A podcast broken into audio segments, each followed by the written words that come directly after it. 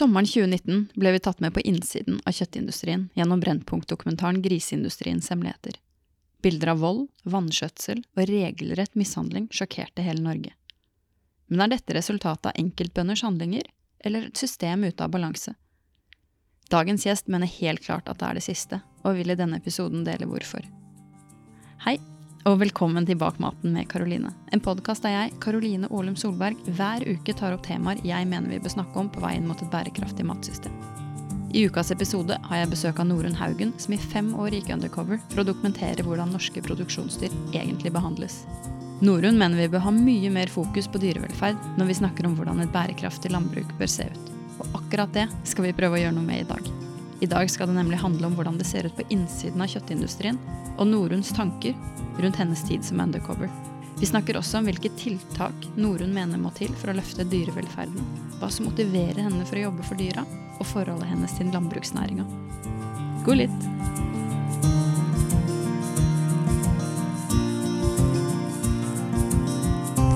Hei, Norunn. Hei. Hjertelig velkommen på podden. Takk for at jeg fikk komme. Du er jo kjent fra dokumentaren eh, 'Griseindustriens hemmeligheter'. Men eh, for de som ikke, ikke har fått med seg denne, denne dokumentaren, om, om, det er mulig i det hele tatt, kan ikke du fortelle litt hva den går ut på? Ja, eh, Dokumentaren er, um, ble sendt på NRK Brennpunkt i fjor. Um, og viser da innsiden av den norske griseindustrien. Um, og materialet da er innhenta med skjult kamera og undercover-metoden. Ja. Mm.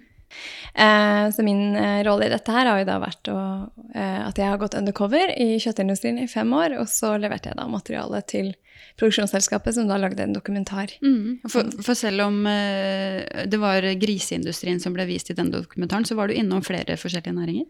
Ja, jeg var også innom en del slakterier, også kyllingindustrien. Mm. Um, du har jo fått uh, en del kritikk for å gå undercover på, på, denne måten. Hvorfor valgte du å løse det sånn? Ja, uh, jeg prøvde jo, som man viser til i dokumentaren, å komme inn åpent først. Jeg tok kontakt med en stor aktør i kjøttindustrien og spurte om jeg kunne komme inn, og også om det var mulighet for å ta bilder. Og da ble jeg avvist med en gang. Mm. så min bekymring for dyrene ble ikke akkurat mindre av det. Og jeg har jo også jeg, Eller jeg vet jo også at, at det er ingen som får lov til å filme åpent på f.eks. slakterier i, i, Norge. De er mm. veldig strenge på det, og man må jo f.eks. ved besøk signere en kontrakt på at man ikke skal filme. Så, så det er veldig lukka industri. Uh, og det samme på gårdene også, hvor ofte får vi egentlig se et uh, uttilskjørt bilde av hvordan det foregår. Eh, du har jo bare såkalte åpne gårder, der de tar ut grisene og setter dem for tre griser da, setter dem i en liten innegning ute på tunet, og så ser det veldig fint ut, og så ligger den store driftsbygningen litt i bakgrunnen, mm. og så er det ingen som stiller spørsmål ved om grisene lever ute eller ikke. Mm. Så det er jo en sånn staging av landbruket som man holder på med, og som, som jeg mener er, er veldig på kanten. Er det litt av bakgrunnen for hvorfor du valgte å, å gå undercover på denne måten? Jeg, jeg, har alltid vært glad i dyr, opptatt av landbruk, og jeg ønska jo å se hvordan dyra behandles. Um, for jeg var ikke helt sikker på hvordan det foregikk. Mm. Um, og da jeg også ble avvist, så ble min på en måte, mistenksomhet da, eller bekymring sterkere. Um, ja, så jeg ville gå inn og undersøke mm. hvordan dyrene har det. Mm. Mm. Kan du ikke fortelle litt mer om uh, altså jeg, jeg, er litt nysgjerrig på hvordan du som person velger å ta et sånt valg. Da. Det er jo ganske drastisk det du har gjort og, over såpass lang tid som fem år. Da. Ja. Nei, jeg tenker at uh, hvordan jeg tok det valget. Jeg tenker at Det, jo, det handler jo til syvende og sist om empati for dyr. da.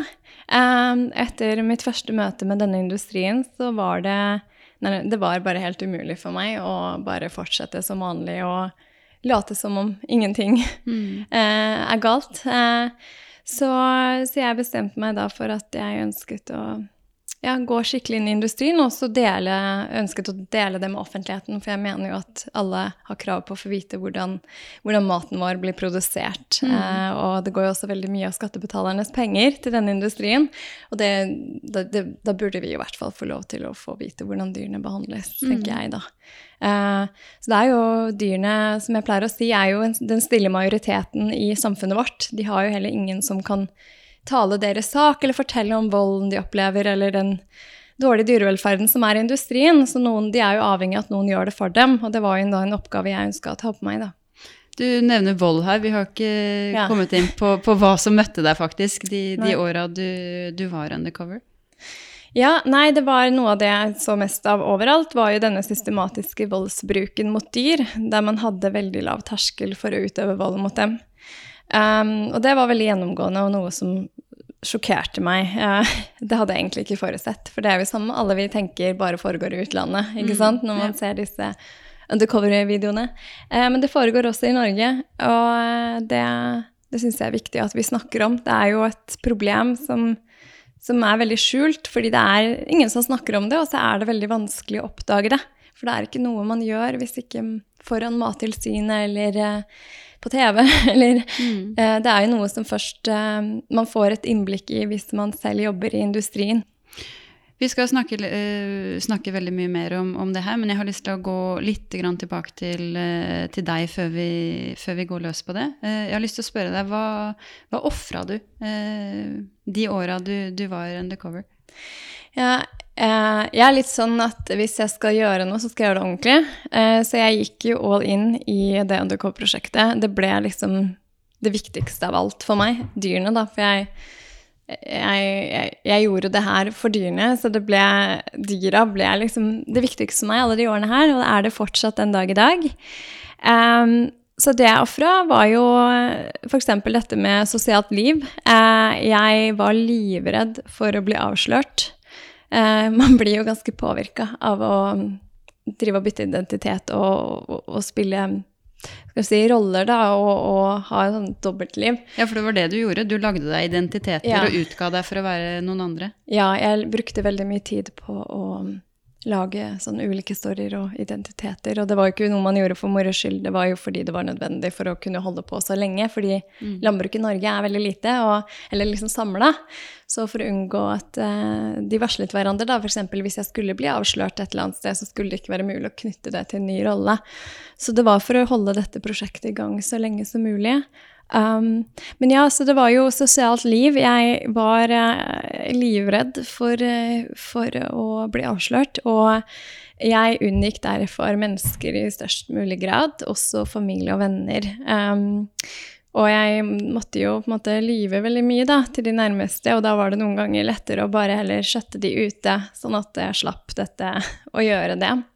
Men det var jo Det var, eh, det var ganske det var et ensomt eh, liv på mange måter, da. men det var absolutt verdt det. Og så hadde jeg jo også en hund eh, mens jeg gikk undercover, så han holdt jo også lyset, et lys for meg, da. Det beste jeg visste, var å komme hjem til han. Um, så, så det var særlig det, og så er det jo også dette med at jeg er jo også eh, Eller alltid vært da, et ekstremt følelsesmenneske, så jeg måtte jo også eh, legge vekk alle følelser og Hva skal jeg si? Naturlige instinkter òg, for jeg har alltid vært en person som griper inn hvis jeg ser dyr eller mennesker bli utsatt for mishandling. Mm. Så det stridet jo imot på en måte alt jeg sto for. Um, så man, altså man må jo legge følelseslivet sitt til side når man, når man gjør et sånt prosjekt. Mm. Det er viktig. Men jeg tenker jo én ting er jo det å, å skru av eh, følelsesmessig når du er i situasjonen. Men eh, jeg er litt nysgjerrig på hva, hva skjedde når du på en måte kom hjem igjen, og var det vanskelig å, å skru på igjen og, og, og begynne det sosiale livet igjen og åpne deg og, og møte mennesker igjen ekte, da, hvis du skjønner hva jeg mener? Eh, jeg tenker at på mange måter så har jeg videreført veldig mye av det livet jeg hadde mens jeg drev med undercover. Eh, selvfølgelig så er jeg jo ikke lenger anonym, eh, og på en måte må, må, må stå der ute. Eh, men eh, jeg syns jo at det er ikke bare bare å gi slipp på f.eks. den alarmberedskapen, da, med å hele tiden ville beskytte et prosjekt som er så viktig. Um, og jeg, jeg merker fortsatt at jeg um, jeg, jeg syns eksponeringen jeg, jeg levde jo basically under en stein. Jeg, bare det med sosiale medier. Jeg har jo ikke vært på sosiale medier før. Plutselig skulle jeg være på det. og jeg synes jo det, er, det har vært en, liksom, en veldig stor omveltning, og det skjedde jo over natta. Det er også viktig å huske på. Ja. Eh, men det jeg var veldig opptatt av da dokumentaren kom, var å tenke hvordan kan jeg nå jobbe for dyrene? Og da ble det veldig tydelig for meg at eh, jeg vil gå til politikken eh, og prøve å påvirke den. For det er den som er ansvarlig for disse store dyrevelferdsproblemene. Um, så jeg føler på en måte også at jeg, jeg har aldri på en måte dvelt så veldig mye med hva det har kostet i ettertid òg, da. At jeg har hele tiden vært opptatt av hvordan gjøre mest mulig ut av dette for dyra, sånn at det gagner dem. Ja. Så de er jo liksom alltid fremst i panne, Mm. pannebarken min. Mm. Etter disse fem årene undercover så har du sagt at du sitter igjen med et inntrykk av at dyrevelferdsproblemene ikke kan reduseres til den enkeltes vilje eller karakter. Hva, hva legger du i det? Ja. Eh, nei, jeg tror vi ofte har en tendens til å redusere dyrevelferdsproblemer til enkeltpersoner, for da er det på en måte lettere å tenke at vi kan løse det veldig kjapt ved å f.eks. anmelde noen, eller få de til å slutte å drive med dyr, f.eks. Eh, og industrien også har jo vært veldig opptatt av å kaste enkeltbønder foran seg i et forsøk på å opprettholde den illusjonen om at dyrevelferden er så god at dette ikke er et problem på flere steder.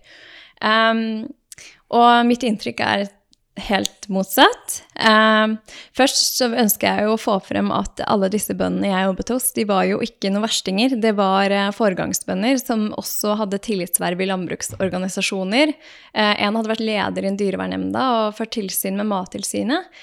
Og uh, du hadde også produsentrådgivere, som er de samme som skal rådgive andre bønder om f.eks. dyrevelferd.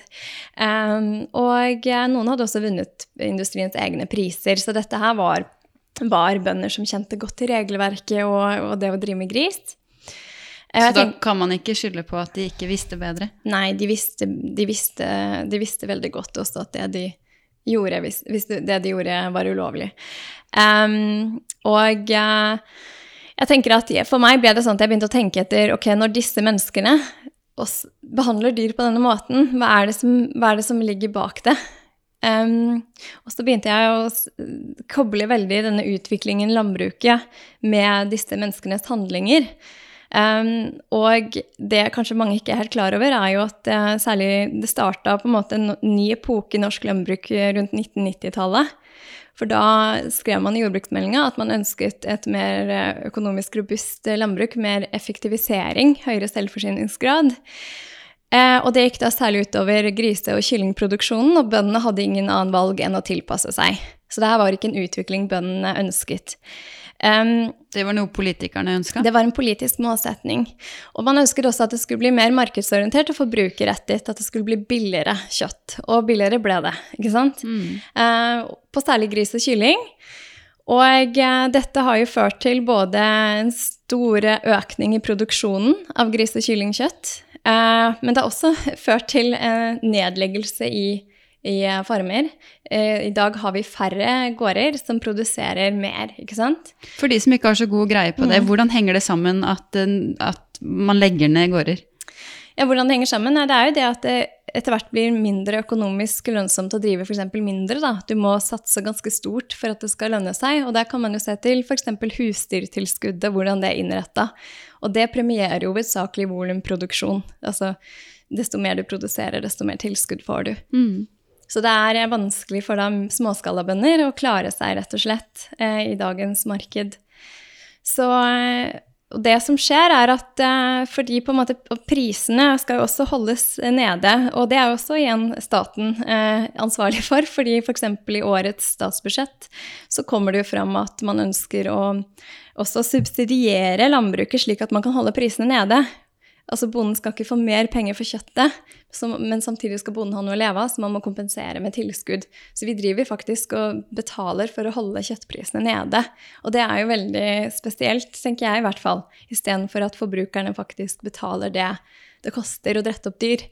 Men når du sier det her, så Jeg har jo jobba som uh, trainee mm. uh, på Landbrukets hus og, og vært uh, og, og, og, vært på en måte med i eh, disse politiske prosessene fra innsiden. Da. Mm. Og når du snakker, så hører jeg jo på en måte eh, de si at ja, men dette, dette, er jo tilskudd for å, å, ha landbruk i hele landet. Hva, mm. hva tenker du om det?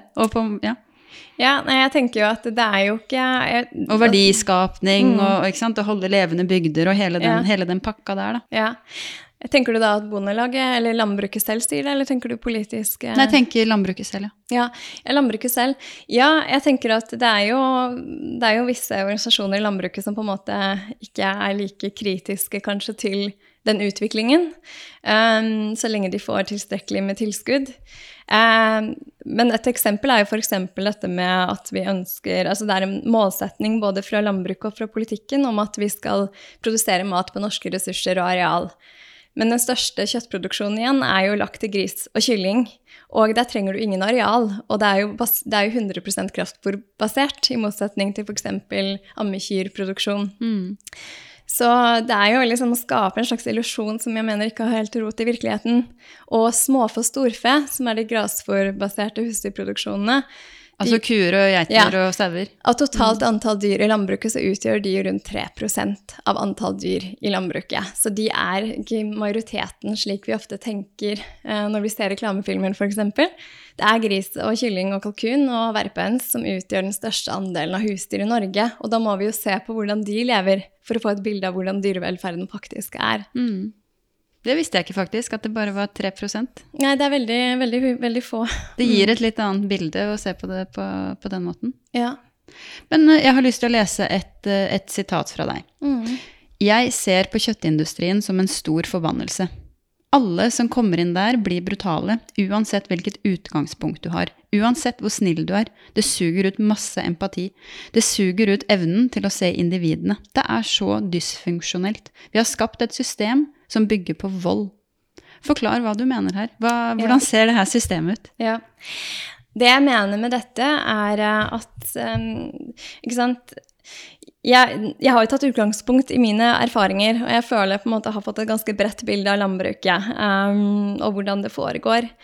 Um, og det som har slått meg, er jo igjen at det er i veldig veldig stor grad voldsbruk mot dyrene som er dominerende på slakteriene, på gårdene. Um, og at du må bli ganske brutal for å klare å stå i, i denne jobben. Det er. Og jeg har også snakket med mennesker i landbruket som selv har gitt uttrykk for at de syns det er vanskelig. Um, at, de har, at, de sliter litt med det. At de er, står i en slags spagat mellom at de må drive på den måten, og så syns de samtidig at det er, det er, utfordrende. Og noen av de sier jo også rett ut at det er jo et vondt liv for dyra.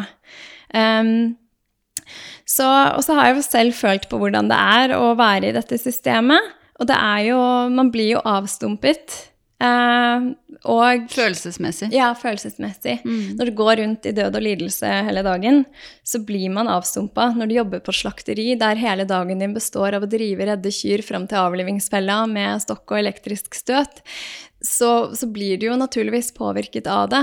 Og jeg tror ikke det heller er godt for mennesker å jobbe i et slikt miljø der så mye går på akkord med dyrevelferd. Og, og de, kanskje egne verdier sånn innerst inne. Ja. Mm. For jeg tror de fleste som, som, går inn i landbruket og slakterijobber osv., de er gode folk, og det var mitt inntrykk også. Men de kan ikke tillate seg å føle så mye når de jobber med disse dyrene. Og det er også viktig å huske på dette med at man ikke lenger klarer å se individet. Det gjør man ikke fordi det er så mange dyr. På en kyllingfarm så er det i gjennomsnitt 16 000 20 000 kyllinger som lever eh, i ca. en måned. Du får ikke noe forhold til de dyra. Det er en hvit masse på et gulv i en hall. Mm. Og det samme med grisene. De står tettpakket i binger. Du har mange, mange griser, så det er veldig vanskelig å få et forhold til disse dyrene, da. Eh, I, motsatt, i motsetning til f.eks. et lite melkebruk med 15 kyr. Så, så, så, og jeg tenker også når, når, du på en måte altså Særlig gris og kylling de blir på en måte deanimalisert, vil jeg si. Altså man fjerner individfokuset, så ser man på massen. Og landbruket selv f.eks. pleier å snakke om kilo og tonn. ikke sant? De snakker sjelden om individene. Hvor mange individer er det? Mm. Tror du det er en måte å, å skape distanse til, til, dyra på? Jeg tror at det er en um, slags bevisst strategi. Det tror jeg faktisk. Eller rettferdiggjøre hva de holder på med. Rettferdiggjøre, muligens, ja. Mm. Men jeg lurer litt på, når du forteller det her, hvor stor Altså, eh, i hvor stor grad tenker du at vi mennesker er fanga i et system, og i hvor stor grad har vi eh, evnen til å gjøre noe utafor systemet, da, selv om det er vanskelig, hvis du, hvis du skjønner hvor jeg vil hen? Ja. Jeg tror at Altså, poenget mitt er at veldig mange ganger så tenker jeg sånn, men kan du ikke bare gjøre det annerledes, da? Ikke sant? Mm. Kan du ikke tenke sjøl, og det her er jo ikke bra måte å drive på, liksom. Ja, Tenker du på bøndene, eller tenker du på forbrukere eller mennesker? Um, akkurat nå så tenker jeg på, på bøndene, i og med at det var det vi snakka om. Mm. Ja. Jeg tenker at Hvis du er en bonde som ønsker å, å drive f.eks. med gris eller kylling på en annen måte, uh, det fins noen få av dem, under 1% av norske griser for å være ute, f.eks., så står du veldig alene. Uh, det er ganske kostnadskrevende du, du, får ikke noe ekstra støtte. Uh, det er jo noe jeg jobber for at de skal få. Um, og de har, heller, de har også få markedskanaler. De på en måte drukner litt i de store merkene som Gilde osv. Så, videre. så det er en ganske stor risiko å ta. Um, det er liksom billig kjøttproduksjon som uh, favoriseres i dag. Uh, så jeg tror det skal, det skal ganske mye til. Av både forbruker og politikken? Ja. Mm. Og landbruk, egentlig, for øvrig òg, virker det som. Um, så det er ganske vanskelig å være en enkeltbonde mot, mot dette systemet. Uh, og det jeg også ønsker å få frem, er jo dette med at uh, de bøndene jeg f.eks. jobbet hos, de gjorde så godt de kunne innenfor rammene av hvordan dagens produksjon er, og regelverket, og de brøt lover. Men f.eks. det er jo ikke eh, nødvendigvis forbudt å utøve vold mot dyr. Det kan vi komme tilbake til etterpå. Mm. Um, men uansett hvor godt utgangspunkt du har, så, så, må du drive på en viss måte som er fastsatt av regelverket, og som, som er tilpassa dagens eh, system. Eh, F.eks. så er det et sterkt krav om at både gris- og kyllingproduksjon skal være veldig intensiv. Eh, og den skal være kostnadseffektiv. ikke sant? Du skal um, ha minst mulig utgifter, og så skal dyra produsere mest mulig. Og da må jo også bonden tilpasse seg til det. Hvordan ser det her ut helt konkret inni, inni et kylling... Uh, heter det fjøs? Jeg kaller det ofte farm for å understreke at det skiller seg vesentlig fra f.eks. melk og, og, og, mm. og, småfe. Ja. Hvordan ser det ut inni en kyllingfarm? En kyllingfarm det er en hall, rett og slett. En stor hall. Um, hvor det, står, eh, hvor, hvor det er et betonggulv, og så er det litt strø, sagflis. Og så er det da kyllinger som går rundt på dette gulvet. Og det er veldig ofte ikke tilgang på dagslys. De har heller ikke krav på det i, i forskrift om hold av høns og kalkun. Eh, og der går de da i rundt 30 dager og vokser seg større og større. De har jo denne unaturlig raske veksten som gjør at mange av de får benproblemer og hjerteproblemer. Og det gjelder spesielt denne ene rasen som er mest Ross vanlig? Ross 308, ja, ja. Som brukes av bl.a. prior. Um, og, så det er livet deres. Og når slaktedagen kommer, så kommer det et plukkelag. Jeg har selv vært med på det. Hvor man da plukker 16 000-20 000 kyllinger på rundt to timer. Det er det det tar, og man er rundt fem til seks stykker. Så dette går himla fort. Plukker, hva, hvordan ser det ut? Hvor plukker man de hen? Du tar og plukker eh, syv og stiv kylling etter beina og kaster de oppi en eh, sånn eh, kasse, som da transporteres med en trøkk på en dyretransport. Til slakteriet? Til slakteriet. Jeg skjønner. Og, um, så, så, det er et veldig stusslig liv, og, og, jeg mener jo også at hvis man kjenner f.eks. kyllingens artstypiske behov, så, så, kan man tydelig se at disse stimulifattige hallene ikke er et godt nok liv for dem. Og vi fratar dem jo veldig mye. Vi fratar dem til og med muligheten til å vagle. Disse broilerkyllingene er jo så tunge også at de ikke engang får til å vagle ordentlig. Hva betyr å vagle? Det er å sitte på en pinne eller eh, holde, skal vi si, klørne, hvis man kan kalle det, um, rundt noe. Ja. Det vil si, de, de Sånn som fugler gjerne sitter ja, på en gren? Ja. Mm. Det er et veldig sterkt behov de har. Um, og Ross 308 er jo såpass tung at de også sliter med å Hvis du hadde tilbudt en vaglepinne, f.eks., så hadde de slitt med å sitte og vagle. Mm. Uh, og vi fratar dem dagslys og frisk luft. Uh, det er jo under 1% av kyllinga som får være ute i Norge. Så det er de, de lever hele livet sitt inni disse uh, betonghallene med kunstig belysning. Mm. Mm. Hva med for, for griseindustrien? Kan ikke du begynne, å, begynne med å forklare hva er egentlig intensiv griseproduksjon? Da vil jeg ta utgangspunkt i det som kalles smågrisproduksjonen, der man produserer grisunger som skal bli til slaktegris, for å illustrere det. Eh, du har eh, purker som man inseminerer, og som går gravide i tre måneder, tre uker og tre dager. så føder de unaturlig store kull, fordi man har avlet fram en purke som skal eh, produsere mest mulig.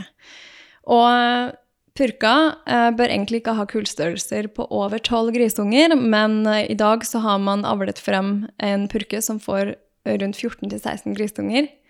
Og denne økningen i kullstørrelser bare fortsetter i avlsarbeidet. Eh, så det som skjer da, er at purka eh, det tærer veldig på reservelagrene hennes og fostrer frem så mange grisunger. Og spedgrisdødelighet i den norske griseindustrien er også veldig stor, rundt 12-15 Eh, fordi det blir hard konkurranse om spenene, og det, det, er veldig vanlig at grisungene, flere av dem, blir underernærte og ikke får i seg nok melk, selv om purka prøver så godt hun kan. Eh, og så går grisungene og purka sammen i 4,5 eh, uker, før da grisene tas fra purka. Purka blir da satt i det som kalles en bedekningsavdeling sammen med andre purker, før hun insemineres på nytt etter bare 56 dager i gjennomsnitt. Så hun behandles nærmest som en fødemaskin i mm. griseindustrien. Mm. Mm. Og denne harde måten å drive griseproduksjon på, det er igjen ikke bøndene som har bestemt, men det er det som må til for at det skal være lønnsomt å drive med gris. Um, så denne purka, i gjennomsnitt slaktes hun etter å ha fått 2,8 kull. Da er hun eh, ikke kapabel til å fostre fram og, og produsere godt nok. Vi, For da er hun helt utslitt? Da er hun helt utslitt. Og det er derfor også dette med bogsår, altså skuldersår, slitasjesår på, eh, på skulderen til purka, er et eh, vanlig problem. Fordi hun blir jo tynnere og tynnere og tynnere. For denne ekstreme måten å drive på gjør henne, altså, gjør henne tynn. Og så ligger hun da i tillegg på betonggulv, som igjen kan føre til slitasjeskader.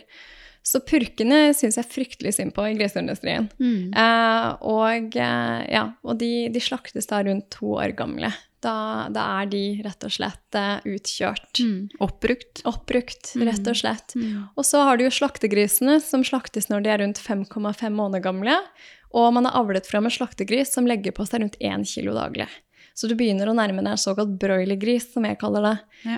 Eh, hvor du også begynner å få disse benproblemene som man ser hos kylling, også hos grisen. Og også risiko for hjertestans osv. Så, videre. så Så det er, eh, det er dette som er den intensive landbruket. At man, de skal vokse raskest mulig, spise minst mulig fôr. Fordi fôrkostnader er igjen veldig mye av kostnadene til bonden, så du må spare ned på det. Mm. Så får purkene unaturlig store kull, um, og levealderen er også veldig lav. Så, så, så, man har et veldig sånn sterkt press på det enkelte dyret. Og det er jo den intensive griseproduksjonen. Mm. Eh, men en typisk grisefarm, der er det flere rom. Og eh, typisk er at det er mange, mange små binger bortover. Rader med binger. Um, og eh, gulvet er betong. Og det brukes bare litt sagflis typisk en spøne med sagflis i hver binge, og så får elleve slaktegris en håndneve med f.eks. halm, da, hvis man følger regelverket, um, å dele på. Og det er jo altfor lite eh, for elleve griser å dele på så, li, eh, så, lite halm. Ja, så det er veldig stimulifattige eh, binger. Og selv Animalia, kjøttindustriens egen fag- og interesseorganisasjon, har jo uttalt at en moderne grisebinge ofte er et stimulifattig levemiljø. Så dette er vi klar over. Og Mattilsynet har jo også sagt det at dagens forskrifter tillater at f.eks. purke ligger på betonggulv med bare lite grann strø. Um, og, eh, så det er veldig stusslig, og det er mye uro. Eh, og det er jo ikke uvanlig at man ser halebiting. Det er eh, Jeg kan snakke masse om det her. Det er, det er rett og slett at grisene biter på halene til hverandre fordi de kjeder seg. Og en, en av de fremste griseekspertene i Norge, som heter Inger List Andersen fra NMBU, hun har jo også uttalt at kjedsomhet er et av de største dyrevelferdsproblemene for spesielt slaktegris. Mm. Eh, og stereotypisk atferd er atferd som egentlig ikke er naturlig for grisen å utføre, men som de utfører i mangel av å få gjøre det de helst ønsker å gjøre, og få utløp for sine artstypiske behov. Og alle som har sett griser ute, vet at grisens viktigste artstypiske behov er å få rote med trynet i jorda. Det begynner de allerede med fra de er veldig små, og det er et så stort behov de har. Og i disse betongbyggene så får de ikke muligheten til det. Det de får rote mot, er betonggulv og kanskje litt sagflis hvis de er heldige. Så det er et veldig stusslig levemiljø som ikke tar hensyn til at griser er veldig komplekse dyr. De er jo veldig intelligente og veldig aktive dyr, men de blir liksom satt inn veldig, sånn, tvunget inn i veldig passiv tilstand, og da oppstår denne stereotypiske atferden. Og um, Slik atferd er også f.eks. tygging på inventar og overdreven bruk av drikkeniplene i bingen, svelging av luft, veiving med hodet, og det at de biter på hverandre. Mm. Det her er jo eh, før mennesket kommer inn. Eh, Ja. hva, si litt mer om Du har jo nevnt voldsbruk og sånne ting. Det, det er jo en ytterligere ting som ikke er godt for, eh, for grisene. Ja. ja, dette med vold, ehm, det er jo det så Eller en annen dimensjon av å ha det vondt, da. Ja, ikke sant. Mm. Um, ja, nei, dette med, med vold, det er jo noe som oppstår spesielt i forbindelse med driving, altså flytting av dyr mellom ulike rom, for det er mye flytting av dyr. Eh, griseproduksjonen er veldig spesialisert, så man har veldig sånn system med flytting og ja, det kan vi kanskje komme tilbake til. Eh, og så er det i forbindelse med rengjøring i bingene. Du skal rengjøre veldig veldig mange binger på kortest mulig tid, fordi man tenker kroner og øre i hver oppgave man gjør. Så man ønsker å få gjort den jobben så fort som mulig, da. Sånn såkalt rutinearbeid. Eh, og så er det også vold som oppstår i forbindelse med håndtering av syke dyr. Eh, eksempel halte griser, eller eh, griser som må settes i sykepenge. Og eh, det jeg så, var jo at når grisene på en måte oppfører seg som dyr Det står jeg på slakteriet nå. Når, når dyra oppfører seg rett og slett som dyr, f.eks. ved at grisene viser frustrasjon over levemiljøet ved å bite på deg når du går inn i bingen for å rengjøre, så blir de slått til. Mm. Man skal liksom sette dem på plass. Man skal eh, Istedenfor å tenke ok, levemiljøet er for dårlig, vi burde endre på det, eh, så, så, så blir vold den enkleste løsningen ved at man sant, svarer på grisens frustrasjon ved å slå dem. Og det samme med driving. Hvis du skal drive 40 purker og har dårlig tid du har Jeg tror du må forklare hva driving er før du går videre.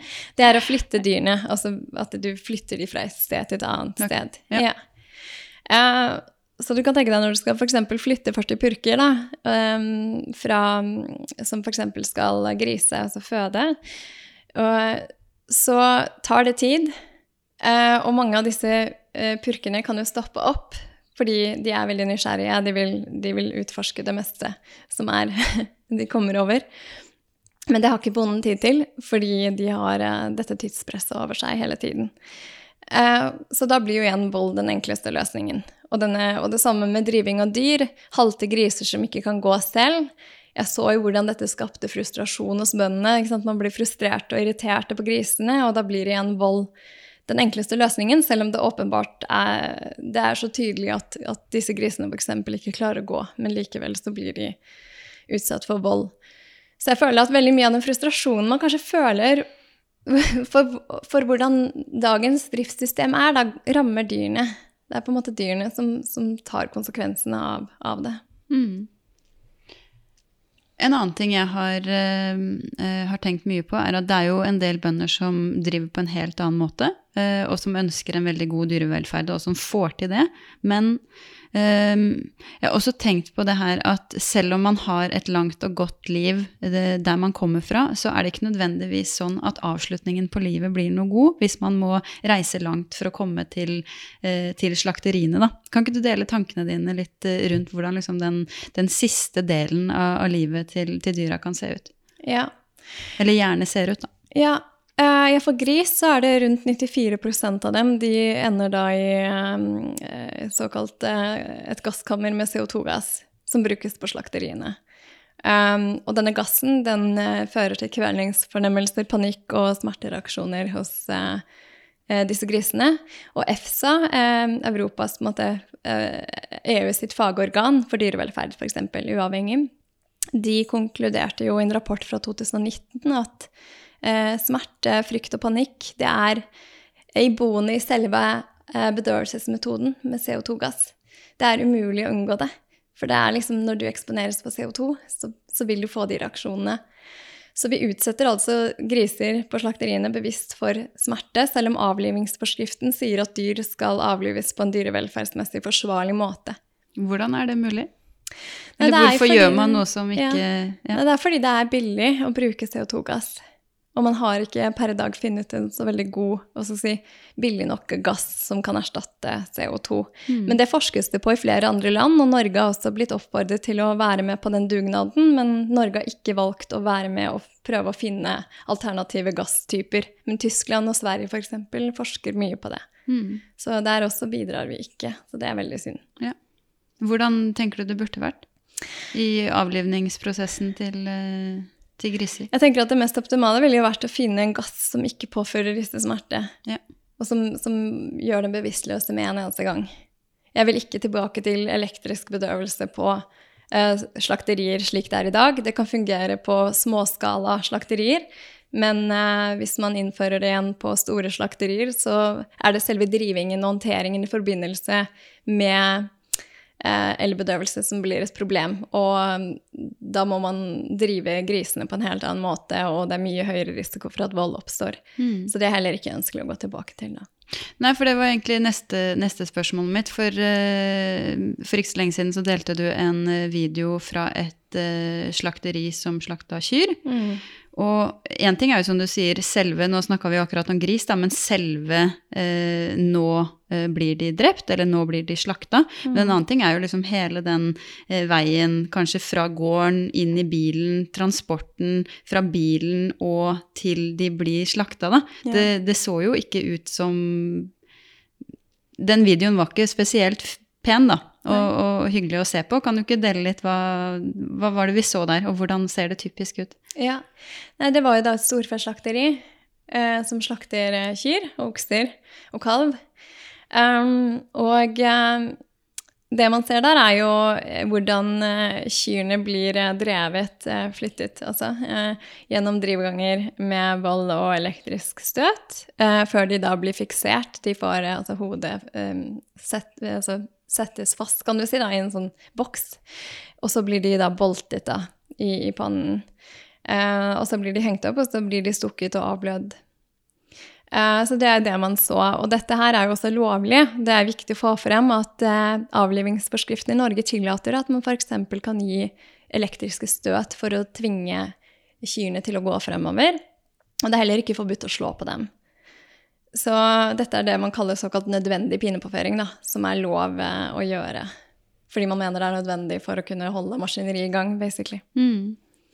Så problemet her er jo igjen dette med Det er en strøm av dyr, som veterinæren også fra Mattilsynet som jobbet her i stad. At du, du, får ikke noe forhold til dem, og det, er, det blir det blir en strøm av dyr, og disse dyrene reagerer jo på eh, Det har jeg sett veldig tydelig, at de reagerer jo på det å komme inn på slakteriet. For det er maskinelle lyder, veldig skarpe lyder. Det er hyling. Det var det veldig, veldig mye av. Kyr som sto og hylte. Det var ikke den rautingen man er vant til å høre. Mm. Um, og det er veldig uvant lukt. Og um, dyrene som går fremst, de sender også ut stresslukt. Um, som de andre reagerer på. Så det er mye frykt og veldig mye ja, uh, redsel hos disse dyrene. Og problemet her er jo igjen at uh, slakteriene de, vil, de har jo satt en grense for hvor mange dyr de skal slakte i timen for at det skal være lønnsomt å drive og mest, gi mest mulig profitt. Og uh, dette systemet mener jeg ikke er tilpasset dyrene, fordi kyr trenger tid. de trenger tid til å orientere seg. Og det er det ikke rom for. Og det er det som er så trist med dagens industrielle kjøttproduksjon, at det er på en måte ikke tilpasset at det er snakk om levende dyr vi har å gjøre med. da. Eh, så det blir sånn samlebåndsobjekter da, som bare skal drives fremover med tvang og makt. Hvis de viser tegn på at de er levende dyr, hvis de mm. viser frykt, så er eh, svaret å utøve vold mot dem. Hvis de ikke oppfører seg akkurat sånn som man ønsker, så er svaret å utøve vold mot dem. Det her blir jo, det blir jo en, en, en, litt digresjon, men når du snakker, så får jeg jo litt fornemmelser til um, hvordan vi, altså mennesker med makt opp gjennom historien, har behandla andre mennesker. At hvis du ikke på en måte passer inn akkurat og gjør det på denne måten og tror på det og det, så, uh, så utøver man vold, da. Eller altså man blir enten fengsla, eller man, man, må passe inn i en boks, da. Mm. Mm. Men i all min naivitet så, så lurer jeg på hvorfor kan man ikke bare slakte hjemme? Det, jeg tenker jo det må være mye bedre for dyra. Ja. Eh, det er jo slik at eh, igjen, det er veldig mye motstand eh, for de bøndene som ønsker å drive med gårdsslakteri, eller eh, f.eks. ha mobile slakteriløsninger. Eh, og eh, det er ikke noe støtte til det gjennom f.eks. Innovasjon Norge. Eh, det er noe jeg også ønsker å få på plass, at det skal være en støtteordning til dyrevelferdstiltak i landbruket. Eh, så hvis du er bonde og ikke vil sende dyrene dine til et av disse store slakteriene, så må du gjennom en skikkelig vanskelig prosess med tillatelse fra Mattilsynet, opplæring. Du må investere veldig mye pe egne penger for å opprette et gårdsslakteri. Så det er en veldig tung og lang prosess, og de færreste har råd eller mulighet til å gjøre det. Ja, det samme mobile slakterier. Vi hadde det før i tida, men det ble ikke konkurs. Og så ble Nortura tilbudt å kjøpe det opp og utvide ordningen, men de ønsket ikke det. Så det er jo veldig synd. Um, så det, her må det på en måte politiske prioriteringer til i jordbruksoppgjøret, der man velger å bevilge midler til å, til å få på plass en alternativ ordning til mm. dagens slakteristruktur. Mm. Uh, for jeg vet at det er flere bønder som er bekymra for utviklingen som er, um, der flere, stadig flere også slakteri legges ned, slik at det blir større slakterier, mm. og dermed mer trykk og mer vold, vil jeg si, og lengre transporter. Og Nortura har jo lansert en ny industriplan der de egentlig har et mål om å legge slakting av dyr til rundt, uh, av firbente dyr til rundt fire slakterier. Og du ser på kylling også. I hele landet? Ja. Så det er veldig sjokkerende. Og det er også blitt kontaktet av flere bønder som har reagert på dette her. Men de har ikke så mye de skulle sagt, og det er veldig, veldig synd. Um, så også på kylling har du sett det samme. Det er veldig få eh, kyllingslakterier, og så må disse dyrene transporteres over lengre avstander. Og de er jo allerede dyr som ikke er så robuste, disse Ross 308. De tåler ikke så mye. Så dødeligheten nå er jo ganske stor, da. Um, Under transporten? Ja. Um, og det er jo det at det er lidelse involvert. De står tettpakket inni i disse kassene på transporten. Og uh, det er jo ikke uvanlig med ventilasjonsproblemer og pusteproblemer, og at de får vinger i klem, ikke sant. Så det er en veldig sånn hard prosess for dyrene å gå igjennom den siste tida. Mm.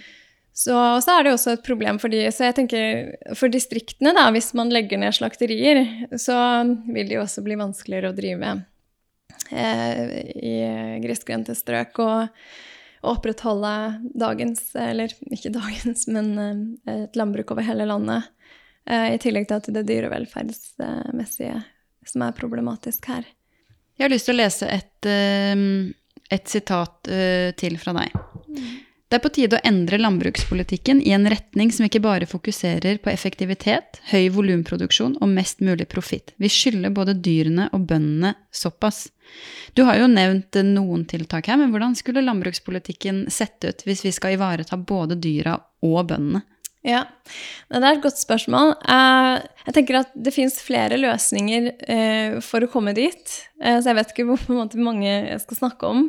Ta de viktigste. Ja. Jeg tenker Det viktigste av alt er jo på en måte at man innser at Altså, min oppgave er jo å pushe landbruket i en mer dyrevennlig retning. Det er jo på en måte min oppgave. Og, og, og minne om å vise frem konsekvensene av dagens landbrukspolitikk.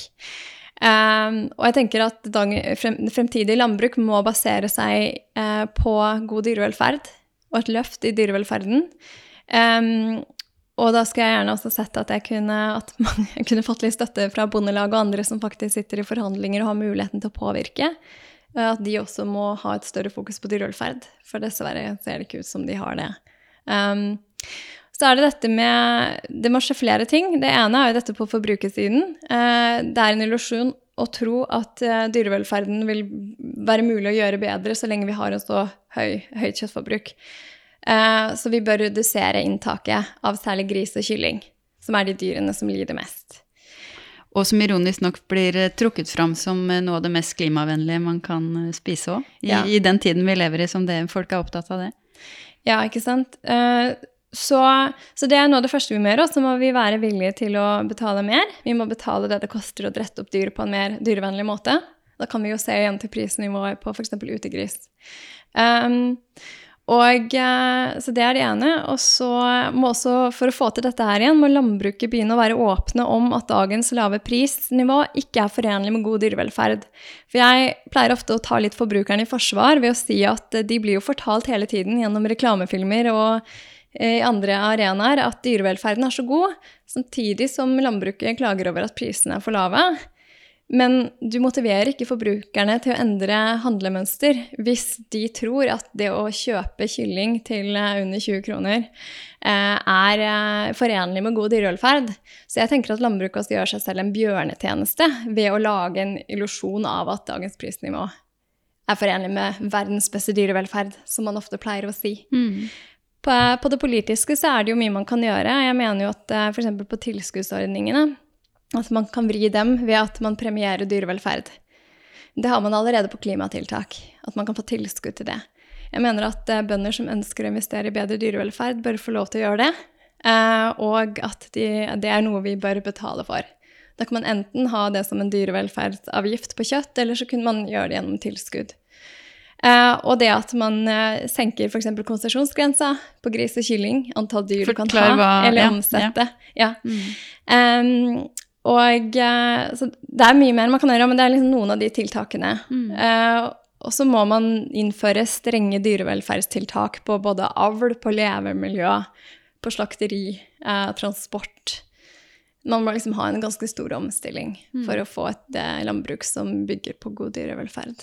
Tenker du at vi, vi kan spise kjøtt? Jeg har ikke noe standpunkt om at folk ikke må spise kjøtt. Men jeg tenker at vi alle bør spise mindre kjøtt. Ja, Og så er det jo dette lidelsesaspektet som er eh, det førende for arbeidet mitt. Hvordan minimere lidelse for dyrene. Hvordan gjøre slik at de kan få bedre liv.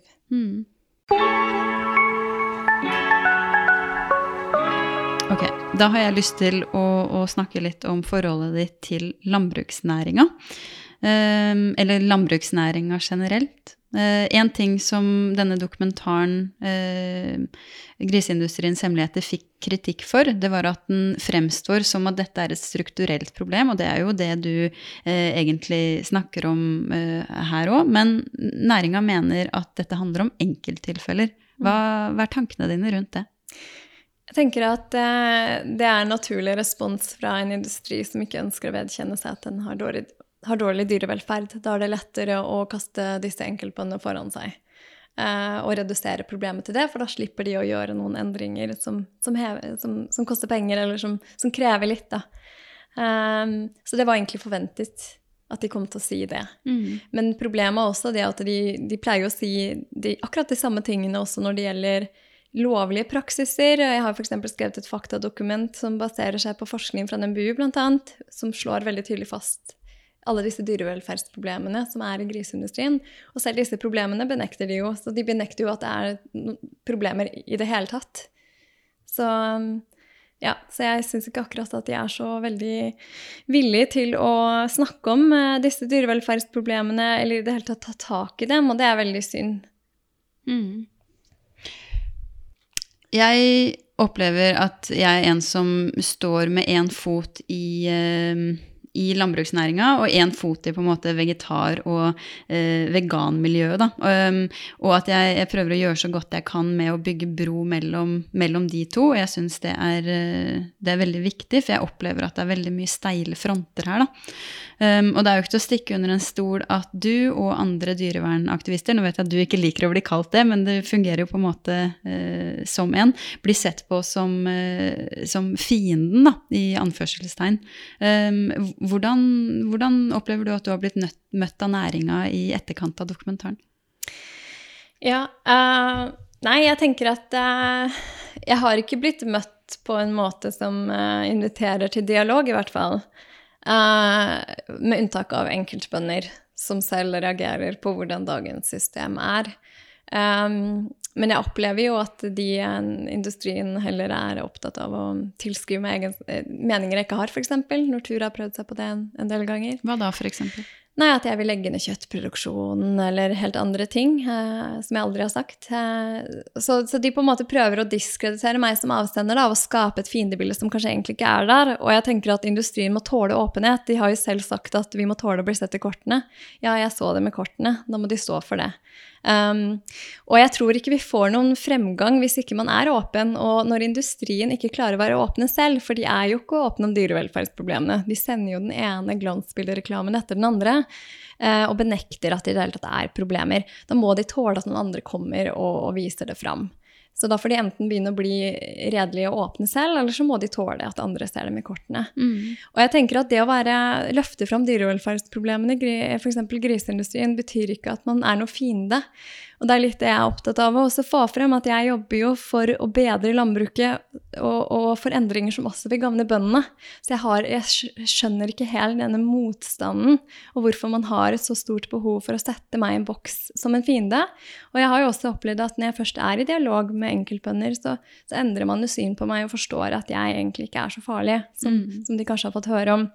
Og så eksisterer det mye myter og rare ting om meg rundt omkring på nettet, vet jeg jo. Jeg unngår jo kommentarfelt. Men det er veldig lite faktabasert, og det er veldig få som går direkte til meg og spør, da. Det, det florerer ganske mye rart der ute, mm. og det er veldig synd. Um, så jeg oppfordrer jo hvis det er noen bønder eller andre som hører på, gjerne ta kontakt med meg, så vi kan ta en prat. For jeg ønsker også, sånn som deg, å være en uh, brobygger. Og jeg tror liksom både dyra og bøndene har alt å tjene på at man begynner å snakke sammen. Mm. For det farligste er når vi ikke snakker sammen. Ja. Tenker du at du, du, kunne gjort noe annerledes for å bygge enda sterkere broer med, med landbruksnæringa?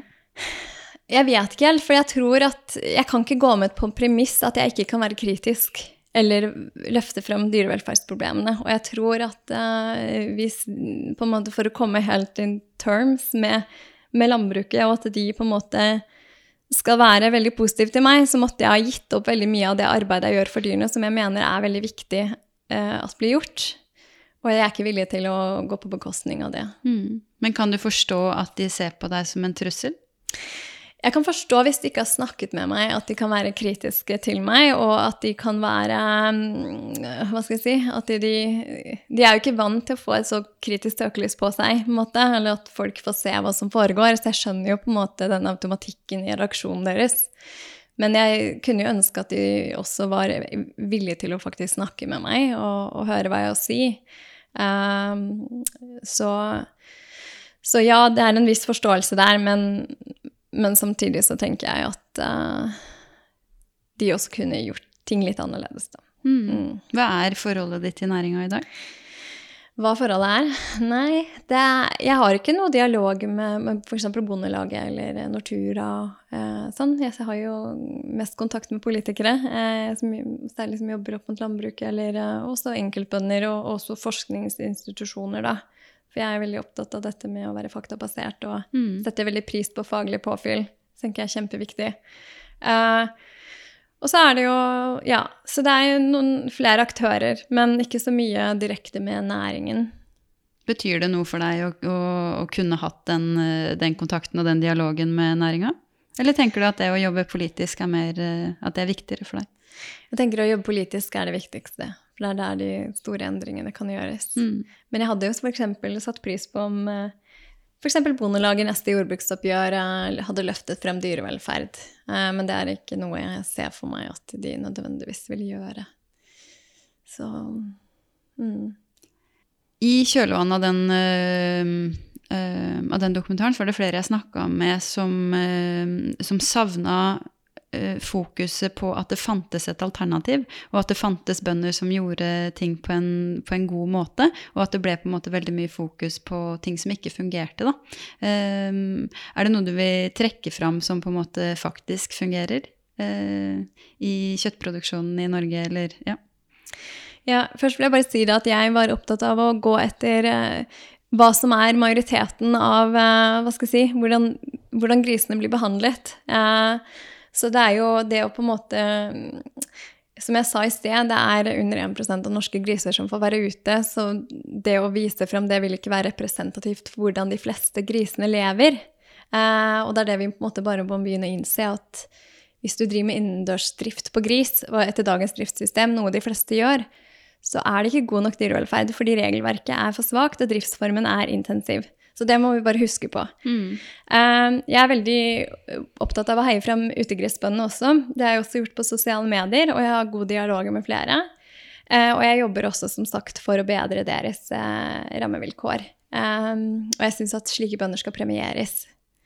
Eh, Så jeg tenker utegrisdrift er et veldig godt alternativ. Um, og, men igjen, det er ikke mulig å drive utegris heller hvis du dretter opp så mange dyr som vi gjør i dag. Mm. Man må igjen ha ned produksjonen for å klare å omstille griseproduksjonen til ute, utedrift. Mm. Jeg pleier å, å, å spørre om på denne podkasten hvordan et bærekraftig landbruk, eller hvordan ser bærekraftig mat og landbruk for deg? Har du lyst til å prøve å svare på det? Ja, eh, jeg tenker jo at vi har potensial til å, å produsere mer grønt i, Norge, og f.eks. åkerbønner og mer prote planteprotein. Um, og jeg tenker også at vi um, uh, bør la være å basere husdyrproduksjoner på kraftfôr, sånn som gris og kylling. Uh, og jeg tenker også at dyrevelferd må inn i bærekraftig landbruk. Fordi vi snakker veldig mye om klima, det er viktig, men hvor ofte snakker vi faktisk om disse dyrene som blir drettet opp og mister livet for at vi skal kunne få mat? Det, de snakker vi veldig sjelden om.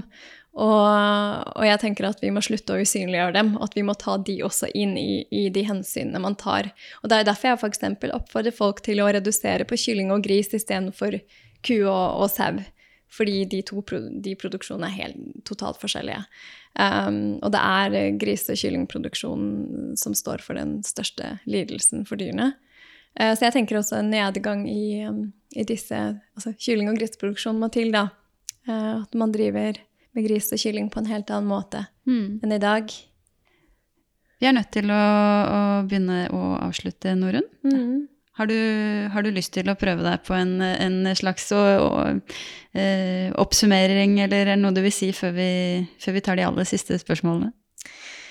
Jeg, ja, jeg tenker jo at eh, det er viktig å ha håp om at det er, eh, det er mulig å få til bedre dyrevelferd, men at det vil da kreve en innsats fra veldig mange fronter. Fra næringa, fra politikere, fra forbrukerne, fra dagligvarehandelen.